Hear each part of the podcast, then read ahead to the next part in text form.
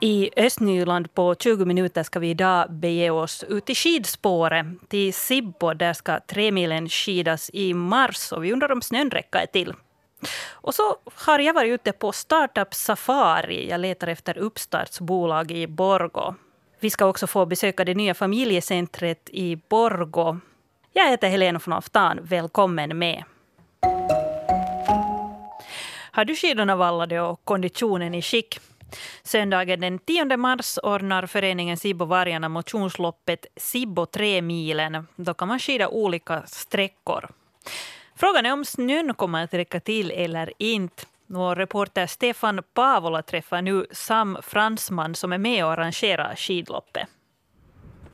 Jo, jag skulle träffa honom men han stack iväg med sina skidor. Jag vet inte, där kommer Sam Fransman med full fart kommer han skidande hitåt.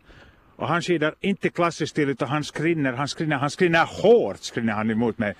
Och en sladd och han stannar här vid mig. Hej Sam Fransman, är det bra för dig där? Morgens, morgens. Ja, det är riktigt prima före nu när banan är uppkörd idag morse och vad heter det. Och, och det, är nog, det är nog fint före fortfarande fast det har smultit en hel del här. Det har smultit en hel del men det går att skida runt här. Absolut, vi har, vi har fint preparerade botten här på, i Söderkulla. Terrängen så det är inga bekymmer. Det här, det här är ju en annan rutt än det där vargspåret va? Så du är hoppfull? Jo, absolut när vi har, när vi har de här preparerade bottnen och släta bottnen under som, som går mycket lite på, på ojämn skogsterräng och så vidare. Så, så vi, vi ska nog hoppas att vi lyckas dra igenom Sibbo 3 milen här. Vad, önskar du nu av vädergudarna, kallt och sådär?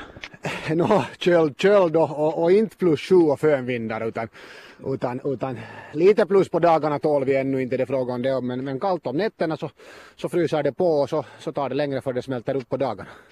Men med de här förhållandena så skulle väl vargspåret vara ovänligt att arrangera? Ja, det, det var ganska intressant det här när, när vargspårets saga nu är all och så var det många som tänkte att 55-60 cent snö, att vad är det här nu, att, att det skulle gå hur bra som helst att ordna men inte en chans att ordna vargspåret med den här snömängden som finns kvar numera. Men det här tre milen, så den går bra? Tre milen är nog ett sånt som när vi, när vi startade i fjol så vi, vi på den orsaken av att vargspåret sällan blev av på grund av snö, snömängderna så ville vi komma igång med ett lopp för motionärer som, som går att ordna även på, ska vi säga, 20 cent snö. Det här datumet, 10 mars, är det lite sent?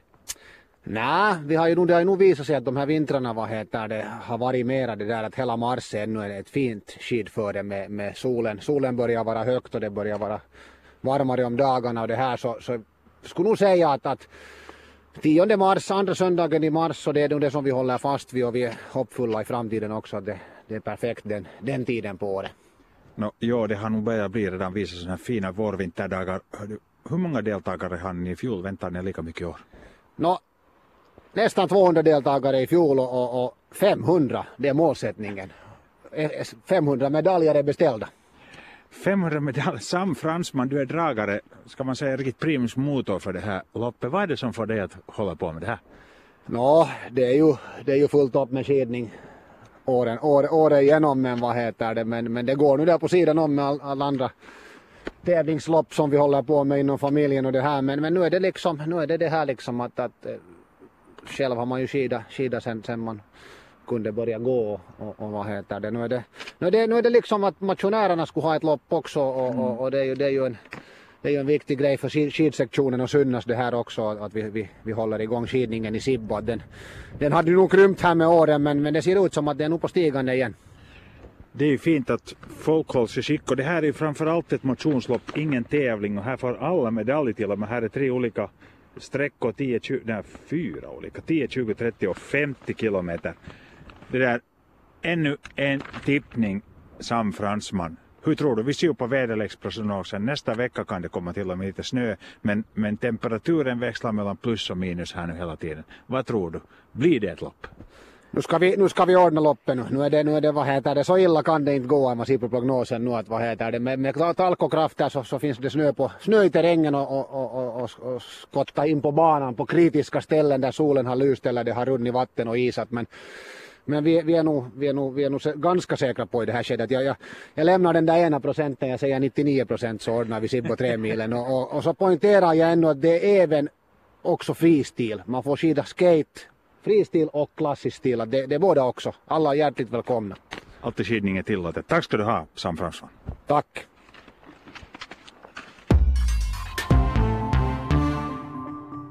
Ja, jag har faktiskt funderat på det att, att Borgå, som ändå ligger relativt nära Helsingfors, som uh, har lite skolor och som har en vacker Gamla stan, allt det här, bli ett sådant ställe där innovativa företag och, och nya sådana här uppstartsbolag skulle vilja starta sin bana.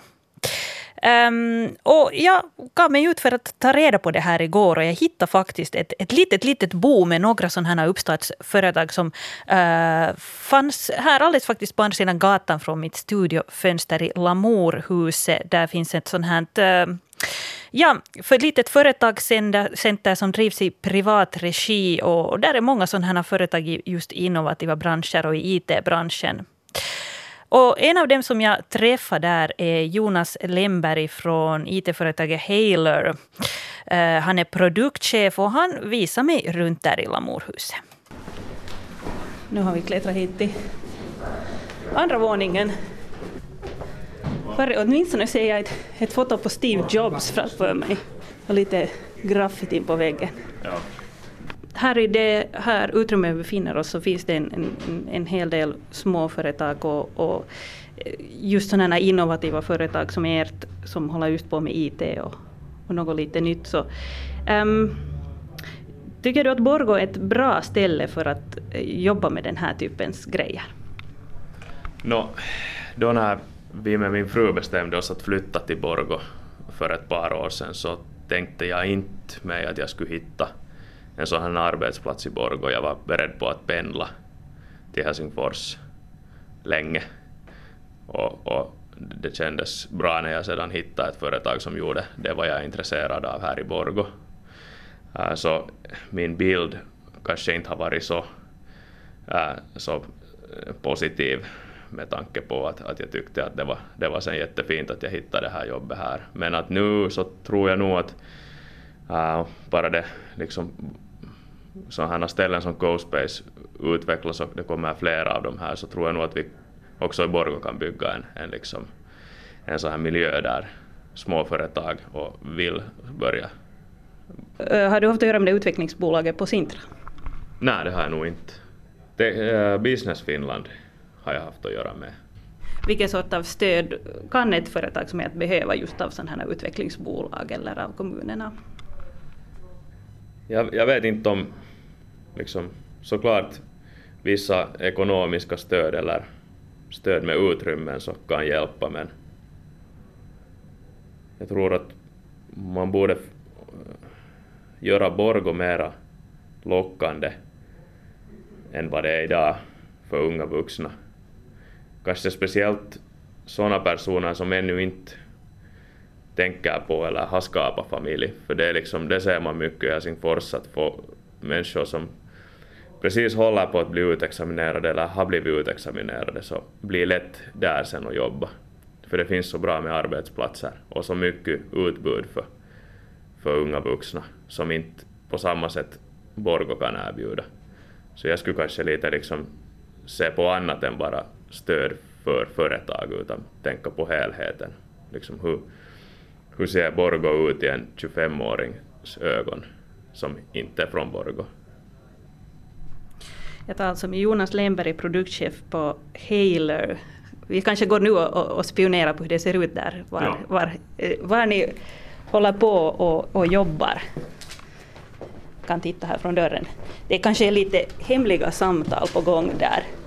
Vi går förbi den där bilden på Steve Jobs. Här ser man graffiti på väggen och här är många som sitter vid sina datorer. Det är ett kylskåp. Vad har ni där i kylskåpet? Lite limsa och vichy och kanske någon öl också.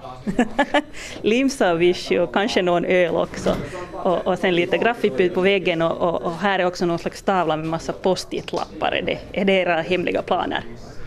Delvis ja. Post-it-lappar är ganska bra för olika slags planering. Mm. Och här är någon med, med hörlurar och munkjacka på vid, vid datorn. Ja. Yes. Tack Jonas. Nu har jag klättrat upp till vinden här i Lamourhuset. Uh, här ser man takbjälkar ovanför mig och med mig har jag Jonny Holmström från Fiber Highway. Ett företag som dels installerar optisk fiberkabel men uh, ni har visst också en innovativ sida i företaget? Ja, det har vi och, och vi försöker, försöker det här se framåt och hitta nya, nya möjligheter här i digi, digivärlden.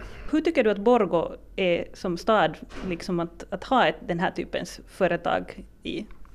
Nu skulle jag säga att Borgo har alla förutsättningar som, som krävs. Vi har kort avstånd till huvudstadsregionen, vi har, vi har det här ett, ett sånt här ställe som vi det här CoSpace som vi jobbar i som är skulle vi säga, innovativt i och med att det blandar, blandar om stora och mindre, mindre företag och idéer byts ganska, ganska smidigt här. Och det här sen har vi nog en, en sån framåtanda företagsamhet som, som behövs för att, för att kunna bli, bli stora och starka. Vi befinner oss alltså i det här GoSpace. Hur skulle det vara om det här då inte alls skulle finnas och ni skulle alla behöva leta någonstans själv efter något utrymme någonstans annanstans? Vad skulle det innebära? Nu blir det ju lätt det att du sitter, sitter mellan fyra väggar och inte byter, byter tankar och inte kommer i kontakt med andra, andra inom samma bransch eller ens delvis inom samma bransch. Nu, nu blir det fattigare, fattigare det här tankearbetet då, och det här. Jag tror att, att många, många branscher skulle ha nytta av att, att jobba så här som vi jobbar, att vi, vi sitter nära varandra. Vi har relativt lite utrymme och då samlar man inte åt sig allt möjligt som dammar på, på hyllorna utan, utan man har sin, sin dator och man har sin telefon och, och det är ganska långt det som vi behöver. Mm. Kan man säga att Borgå har en, en sån här startup-scen? Visst har vi, nu ser vi ju det här, om än det, det inte, inte nu i miniatyr, här är ju många, många människor som jobbar här och många företag som rör sig. Eh, klart att, att en, en stad med 50 000 invånare kan inte ha en helt våldsamt stor startup-scen, det tror jag inte, men jag tror nog att vi håller på att växa, växa härifrån och, och som sagt, vi, vi har nära åt alla håll och det, det är vår, vår fördel. Hela den här startup-idén är väl det att, att man ungefär börjar i sin källare och därifrån går gå vidare och, och hela världen i princip är en, en marknad. Tack. Det säger Jonny Holmström som jobbar på ett företag som dels håller på med optisk fiberkabel och eh, sen också digitala tjänster. Ja, och den här platsen som vi var på, det är ju det här eh, företagscentret CoSpace. CoSpace har utvidgat en hel del i år. Eh, nu i januari, februari har man fått större lokaler. Jag talade med Peter Larsen från CoSpace som också kunde berätta för mig att, att de nu ska inleda ett samarbete med stödorganisationer och skolor här i regionen.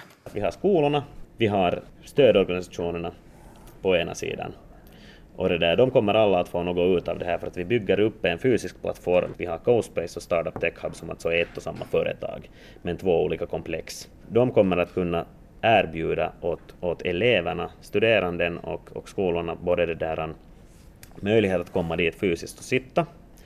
De kommer att ha möjlighet att via vårt nätverk hitta, hitta både alltifrån praktikplatser till arbetsplatser, både under studietiden och efteråt. Vi har ett stort behov i Borgå för tillfället eftersom det finns startup-firmor men inte kanske lika mycket som, som det skulle kunna finnas. Så, det där, så finns det ett behov att till exempel vi har vissa kunder som har, som har sagt att de har fått stora erbjudanden av, av, av banker att sätta upp en, en, en app eller något liknande men de har helt enkelt inte tillräckligt med kodare. Och där, där skulle vi komma in då att vi skulle kunna erbjuda ett sådant nätverk där det sen skulle finnas arbetskraft tillräckligt. Peter Larsen, tror du att det här någon dag kommer att vara i den här Wired, den här internationella tidningen, en, en liten ruta där det står att nyaste startup-staden är Porvo Borgo. Det skulle vara jättefint, man ska ju alltid vara optimistisk. Att vårt, vårt mål, vi har faktiskt använt det, det som ex, exempel att vårt mål är att Borgå skulle bli södra Finlands nya sån här Palo Alto dit folk, folk flyttar för att starta företag och, och det där. Och man måste ju alltid tänka, tänka stort för att få det att fungera, så varför inte?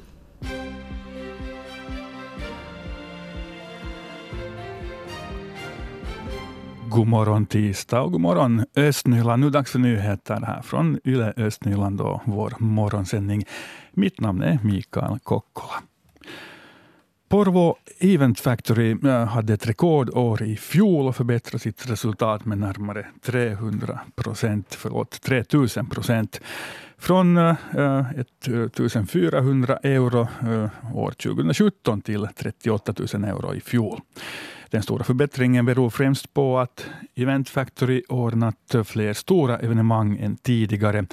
I fjol tog bolaget också över ansvaret för fler lokaler, vilket ökade på hyresintäkterna.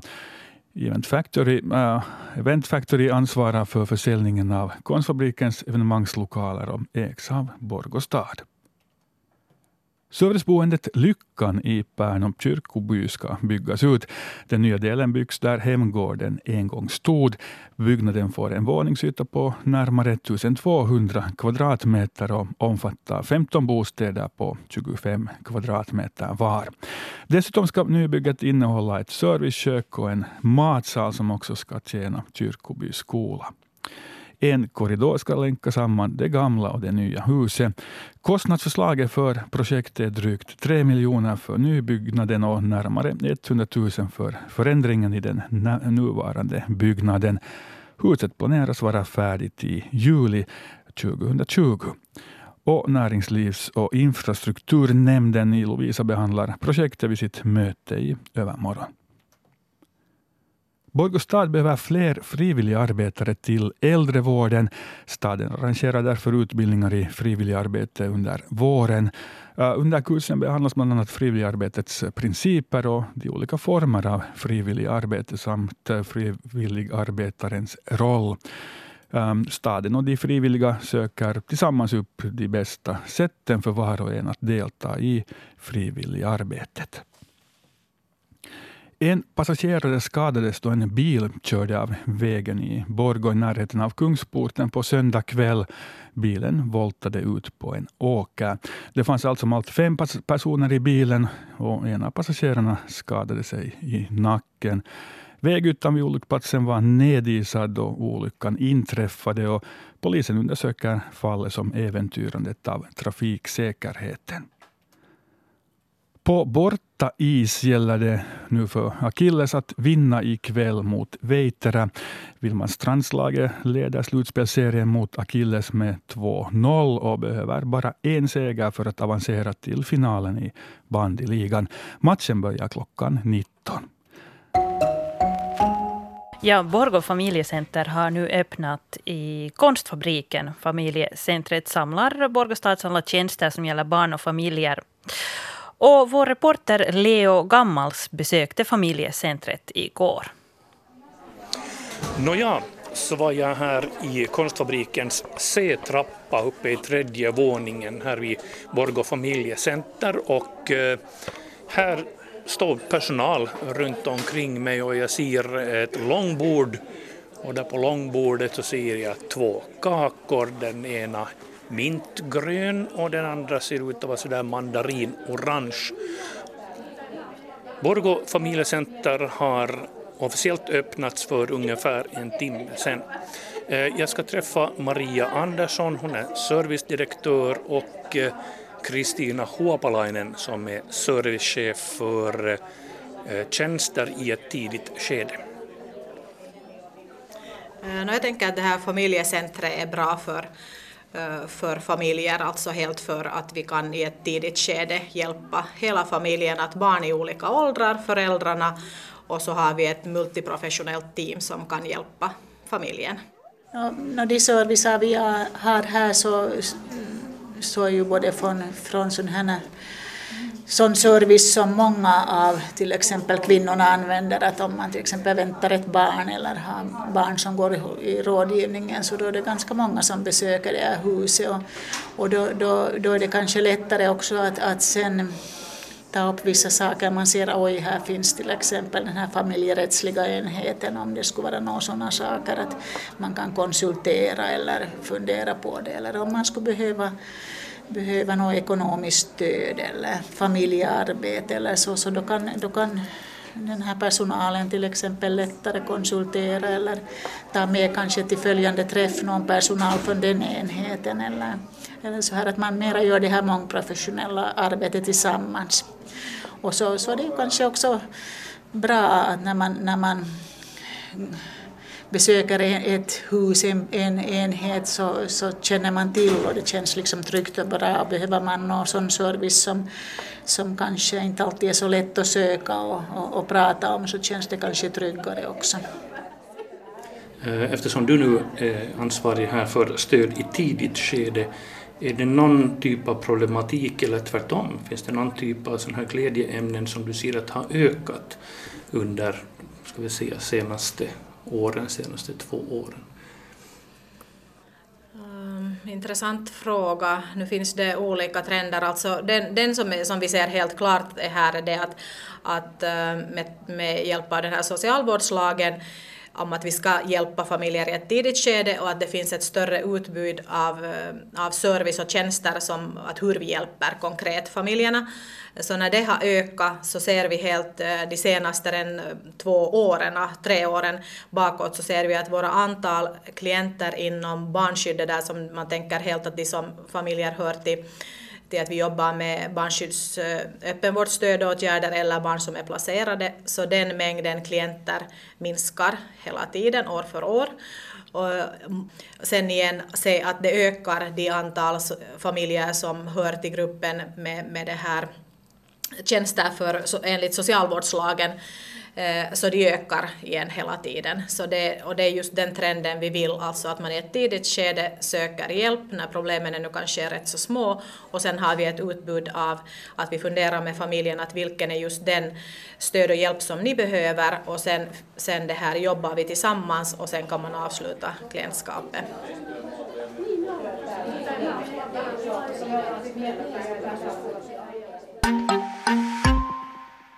Östnyland på 20 minuter är en svenska Yle podcast. Jag heter Helena von Alftan.